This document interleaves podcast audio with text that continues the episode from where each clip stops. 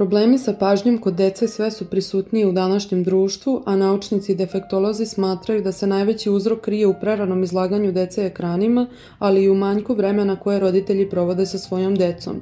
Prema istraživanjima Svetske zdravstvene organizacije, broj dece koje imaju probleme sa pažnjom se udvostručio u poslednjih 10 godina. Poremeće i pažnje se nalaze na prvom mestu mentalnih problema koje deca imaju. Ja sam Danijela Polimac, a u ovom podcastu govorit ćemo o problemima sa pažnjom, kako ih prepoznati, kako oni utiču na dete i njegovu okolinu, ali i kako da se pomogne deci koji imaju ove poteškoće. Dečija psihološkinja Jelena Dragičević, koja radi sa decom više od 15 godina, kaže da je ključno prepoznati simptome i na vreme detetu obezbediti adekvatnu pomoć. Poremećaj pažnje e, manifestuju se tako što dete ne može da se fokusira na neku aktivnost i ne može da ostane istrajno u nekoj aktivnosti.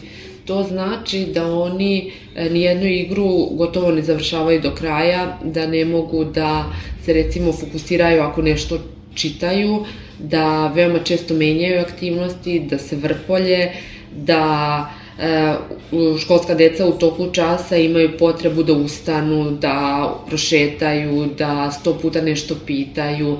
Ta pitanja često ne moraju uopšte da budu smislena, ali prosto samo da se jave i da nekako e, sebi naprave neku promenu aktivnosti, zato što oni prosto nisu u stanju da tu aktivnost održe do kraja, jer njihova pažnja je izuzetno kratkog trajanja i bez nekog velikog fokusa. Mi živimo sada u jednoj novoj eri ovaj, koja onako decu veoma često i previše od najranijeg uzrasta izlaže ekranima.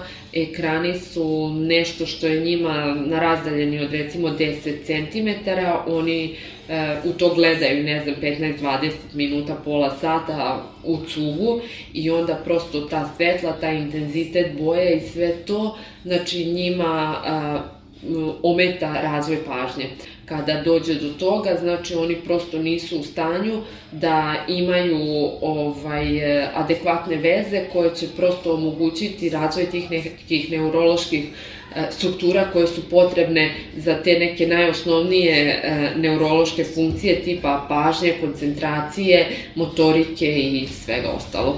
Do njihove sigurno treće godine razvoj motorike je izuzetno važan, to znači da oni moraju da trče, da skaču, da budu na polju, zato što je to povezano prvenstveno, znači oni moraju da e, razviju neurološku funkciju da bi došlo do toga da ovaj se razvijaju te neke psihičke funkcije. Pored stručne stručne pomoći dete mora imati i sistem podrške kod kuće i u vrtiću.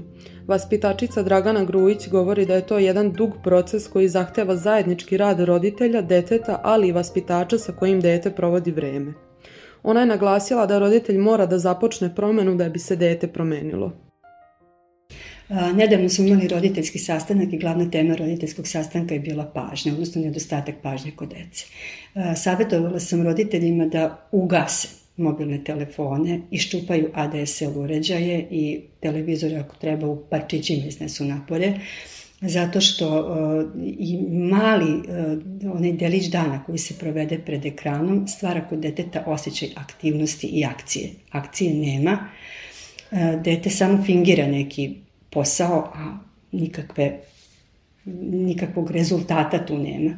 I predložila sam radionice za izradu didaktičkog materijala koji će se sinkronizovano koristiti kod kuće i u vrtiću. Mnogi roditelji su me poslušali, deca su se dramatično promenila u onom pozitivnom smislu. Zahteva daleko veću angažovanost roditelja kada dođu kući, znači ne mogu upaliti detetu televizor i prepustiti ga da diljanu crtanim filmovima ili koje kakvim glupostima, nego moraju da organizuju dan i kad se to dogodi, dete se mnogo promeni, jeste, zahtevi ostanu, ostaju isti, mi smo zahtevni, mi smo prirodi kreativna bića. Ali ako se ta kreativnost uguši ekranom i raznim glupavim sadržajima, nismo na dobrom putu. Ma kažem, da, dajte, pomešajte dve vrste pasulja, sedite sa svojim decom, šačica pasulja, šarenog ša, ša, šačica belog, odvajajte po boji. Ne mora to biti ne znam nikakva igračka, samo da se nađe nešto da se radi. Da poremeće i pažnje nisu nevažna i mala stvar koja će proći vremenom, govori iskustvo majke Desanke Jovanović, čije je dete diagnozu dobilo u ranom detinjstvu. Ona je dodala da je veoma važno da roditelji shvate obim ovog problema i da moraju aktivno da učestvuju u radu sa svojom decom. Problem sa pažnjom kod mog sina prvi put sam primetila kad je imao četiri godine. Ništa mu nije držalo pažnju, nije me slušao, nije reagovao na ono što pričam. Bio je hiperaktivno dete. Ja sam mislila u tom uzrastu da je to normalno. E, shvatila sam da to baš i nije skroz normalno kada je krenuo u školu, kad su u, kad mi učiteljica počela skretati pažnju da je ne sluša, da, da ne prati nastavu, da, da u neku ruku ima problem. Odvela sam ga kod školskog psihologa gde i psiholog je zaključio da da ima problem sa pažnjom i nedostatkom koncentracije.